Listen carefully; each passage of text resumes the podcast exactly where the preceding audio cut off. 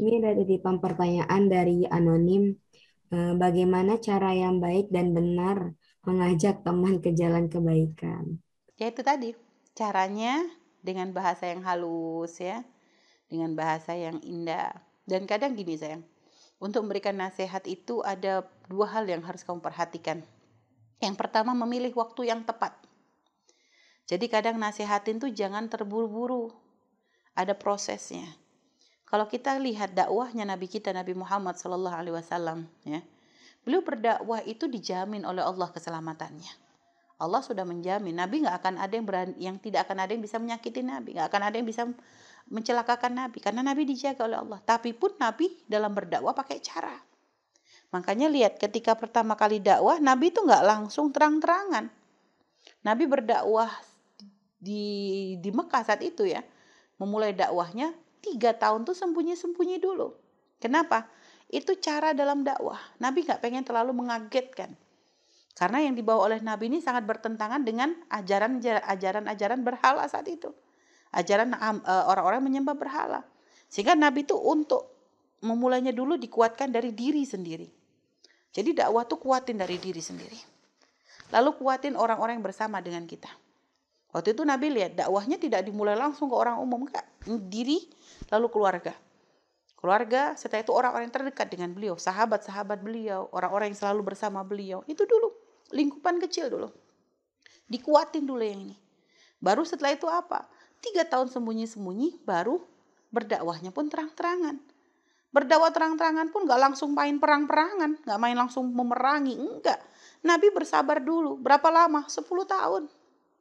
Nabi dakwah terang-terangan di kota Makkah itu Nabi gak pernah menyerang, Nabi gak pernah memerangi. Yang ada Nabi sabar, didolimi sabar. Sampai ada sahabat yang mati syahid, Sayyidah Sumayyah dan keluarga Yasir itu kan syahid dulu. Berapa banyak budak-budak masuk Islam yang saat itu disiksa seperti Sayyidina Bilal dan lain-lainnya banyak. Tapi apa Nabi balas? Enggak. Nabi bilang sabar, sabar, sabar. Sampai sahabat ya Allah, ya Rasulullah emang kita nih salah tah. Pengen gregetan sahabat tuh, pengen perang. Kami tuh nggak takut. Tapi kata Nabi aku belum diperintahkan oleh Allah. Ya maksudnya apa? Itu sebenarnya pendidikan Nabi untuk umat. Kalau dakwah itu ada caranya. Ada step by stepnya itu Langkah-langkahnya itu loh, berproses. Nggak langsung main geradak kuruduk begitu. Dakwah tuh kayak begitu lalu teman salah langsung main. Kamu tuh nggak pernah belajar. Wah habis orang nggak bisa tertarik. Pelan-pelan dulu. Caranya gimana? Mulai dari diri dulu yang baik dulu kita. Berusaha maksudnya baik pun jangan nunggu sempurna. Kalau nunggu sempurna nggak dakwah-dakwah kita. Maksudnya ya minimal apa sih yang kita nggak suka dari dia? Oh mungkin dia suka muamalah sama laki-laki. Ya sudah. Kalau gitu kita jaga nih. Urusan urusan laki-laki kita jaga. Kita istiqomah dalam menjaga karena memang fitnahnya, Masya Allah, kalau fitnahnya sekarang kadang memang urusan dengan laki-laki. Karena wanita dengan laki-laki itu ada min plusnya. Ada magnetnya, ada daya tariknya. Sehingga kadang godaannya tuh berat. Apalagi kadang masa-masa kuliah, SMA, kuliah. Itu kan masa-masa kadang penasaran, pengen mengenal hal-hal baru. Apalagi kadang ada bahasa nanti kalau punya pacar jadi semangat belajar. Kata siapa? Yang ada bikin ngedrop. Ya, karena nanti gara-gara ada masalah dikit belajar jadi susah kan begitu nangis, patah hati apa semacam-macam sudah. Paling enak kalau mau belajar belajar, kalau mau pacaran nikah aja halal kan gitu. Jadi nggak banyak masalah. Nah, misalkan ya, jadi kita kuatin dulu di diri kitanya gitu ya. Artinya setelah itu apa? Tunjukkan dulu akhlak yang bagus. Jadi kalau akhlak kita bagus, orang tuh sudah ketarik ya dengan akhlak kita. Itu nanti kalau kita menyampaikan kebenaran pun orang akan lebih mudah nerima. Kayak waktu Nabi itu, Nabi lihat belum diangkat jadi Nabi, akhlak beliau tuh sudah istimewa. Sebenarnya orang-orang yang mengingkari Nabi itu bukan nggak percaya Nabi itu adalah Nabi, hanya mereka ada kepentingan dunia. Abu Jahal sendiri yakin kok yang dikatakan Nabi Muhammad itu pasti benar. Cuma begitu hawa nafsunya. Tapi lihat, jadi kebaikan seseorang tuh diakui bahkan oleh penjahat sekalipun. Makanya kalau kita pengen berdakwah, kita mulai dong kitanya yang bagus, istiqomah ibadahnya, istiqomah dalam menjaga dari yang haram, istiqomah dalam menjauhkan dari kemaksiatan, istiqomah dalam berperilaku yang baik, berakhlakul mulia. Dan itu kan istiqomah dulu kita berusaha. Walaupun belum 100% karena gak akan mampu. Dan mungkin kadang kita salah juga, tapi kita berusaha terus untuk baik. Nah setelah itu apa? Kalau kita sudah sudah punya kekuatan seperti itu ya, caranya pun harus yang tepat memilih waktunya yang tepat. Oh, teman kita salah nih, tapi mungkin momennya jangan langsung saat itu juga. Ambil momen yang waktu yang lebih tepat lagi kapan? Mungkin kita undang dia makan di rumah atau mungkin kita ngajak dia makan di mana sambil ngobrol-ngobrol dulu. Kalau ngobrol pun jangan langsung ngantem ke kesalahannya. Ajak senang dulu, yang penting dia deket dulu karena dakwah kalau kita tuh deket sama orang kita gini aja kalau kita salah ada orang ngingetin yang satunya temen yang satunya orang nggak deket. Tentu kita katakan siapa yang lebih gampang untuk ngingetin kita? Yang deket dong. Karena kalau ada kedekatan itu menjadikan kita tuh lebih mudah nerima. Nah itu. Jadi melakukan pendekatan dulu. Nggak usah bahas dakwah dulu deh. Deketin aja dulu. Nanti kalau sudah hatinya tertarik ada deket baru nanti pelan-pelan kita sampaikan. Itu pun dengan cara yang baik. Jadi dakwah itu pilih waktu yang tepat dan juga kadang kita pun harus sadar diri. Kalau ternyata kayaknya kalau sama kita nih nggak bisa dengar. Oh berarti mungkin bukan mesti kita yang menyampaikan. Mungkin kita bisa minta tolong orang yang sekiranya lebih bisa dia dengar. Siapa? Mungkin dia punya abang atau punya saudara atau punya sahabat karib yang sekiranya bisa mengingatkan. Kita sampaikan tapi bukan dengan cara adu domba. Bukan dengan mengadu domba atau gimana. Mungkin tolong, minta tolong diingatkan saya karena sayang sama dia karena Allah. Saya pengen dia selamat. Bahasa begitu dong. Jadi begitu nak ya. Jadi cara dakwah itu kalau kita banyak baca sejarah Nabi kita Nabi Muhammad Shallallahu Alaihi Wasallam, maka kita akan mengerti kadang dakwah itu ya itu tadi ibda bin nafsik, mulai dari diri kita sendiri. Dan juga sampaikan kebaikan itu dengan cara gimana?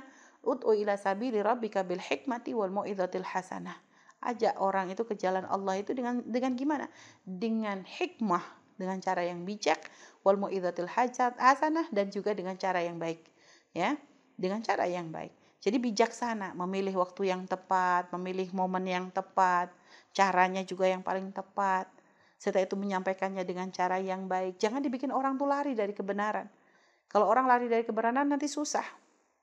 Jadi kadang ada orang tuh terlalu buru-buru. Jadi pengen kan nyampe kebaikan tuh langsung, tapi nggak pakai, nggak memilih waktu yang tepat. Akhirnya malah bikin orang lari. Kita ingat dulu sayang, ada satu jamaah di pengajian Umi itu kalau ngaji kerudungnya nggak sempurna. Jadi kalau pakai kerudung tuh main cantel aja. Alhamdulillah ya sama kita waktu ngelihat dia bergabung, Umi tuh suka gitu, senang. Alhamdulillah. Belum bisa pakai kerudung bener pun tapi ada keinginan hadir di majelis. Senang kita. Nggak taunya suatu hari pernah Umi karena Umi berhalangan untuk ngajar, tiba-tiba digantikan sama yang lain.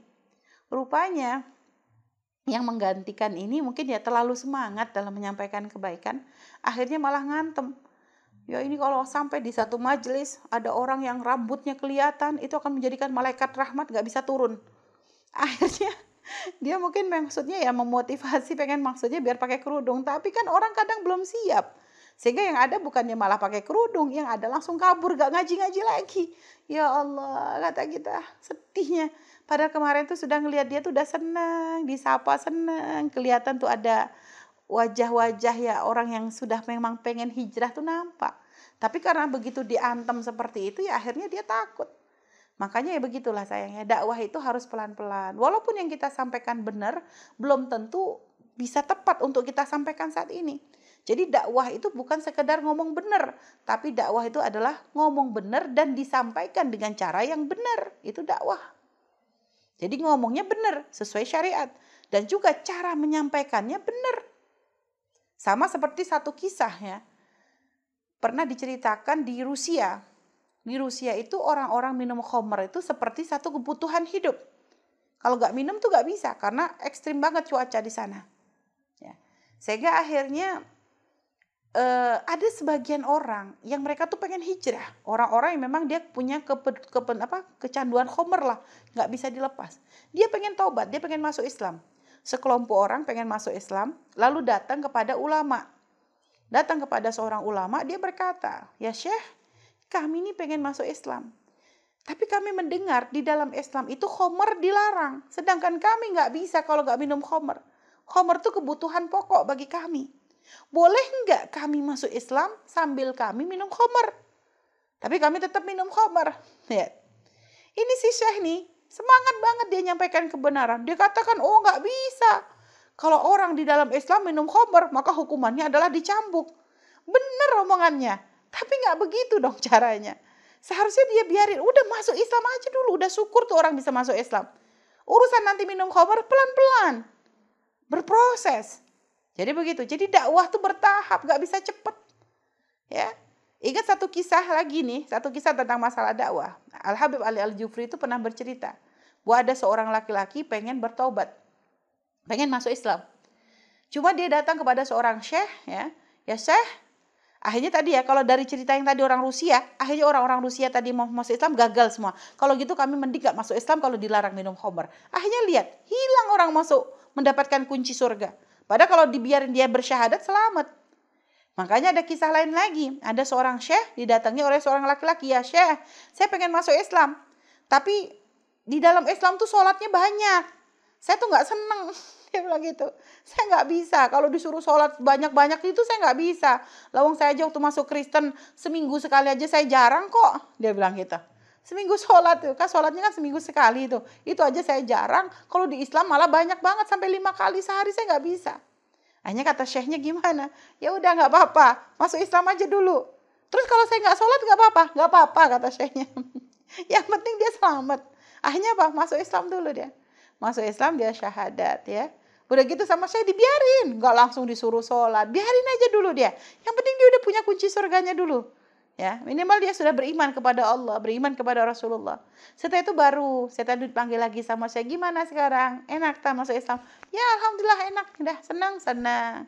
Ya sudah deh. Sekarang kalau belajar kalau belajar ibadah gimana? Nggak usah sering-sering sholatnya seminggu sekali aja. Seminggu sekali aja bisa nggak? Akhirnya dia mikir oke okay deh seminggu sekali ya. Iya setiap hari apa? Hari Jumat. Ikut sholat Jumat aja. Sudah nggak usah yang lain-lainnya.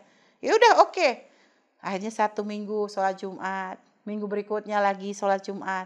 Sholat lainnya enggak, lihat. Setelah itu gimana? Setelah itu sudah seminggu, udah satu bulan bisa sholat Jumat terus, diminta lagi. Sekarang kalau nambah satu sholat aja dalam sehari, bisa enggak? Satu sholat, iya satu sholat. Paling gampang, sholat apa? Paling gampang yang mana deh, suruh milih aja dia. Dia sukanya di waktu apa, nggak usah ditentuin. Oke, akhirnya satu sholat dia bisa dijalankan satu bulan, satu hari satu, satu hari satu, sampai satu bulan. Gimana bisa satu? Kalau nambah satu lagi bisa enggak? Karena sudah terbiasa satu, ah gampang lah bisa deh satu. Dua sholat terus sampai bulan berikutnya tiga sholat, bulan berikutnya empat, sampai akhirnya dia menjalankan lima sholat dan dia tidak merasa berat. Kenapa? Karena dari sholat-sholat yang dilakukan itu menjadi dibukakan pintu hidayah. Karena namanya satu kebaikan itu akan membuka pintu kebaikan yang lain. Makanya dakwah itu berproses, jangan buru-buru. Cukup kadang kita kenal, cukup kenalkan dia kepada Allah, sambungkan dia dengan Nabi Muhammad, mungkin dari situ akan menjadi pintu, pintu akan membuka pintu-pintu kebaikan yang lain. Jadi berproses. Gitu sayang ya. Jadi dakwah itu ada caranya. Dakwah bukan sekedar ngomong benar, tapi dakwah itu bagaimana kamu bisa ngomong benar dan menyampaikan dengan cara yang benar. Itu sayang ya. Baik wallahu a'lam bisawab.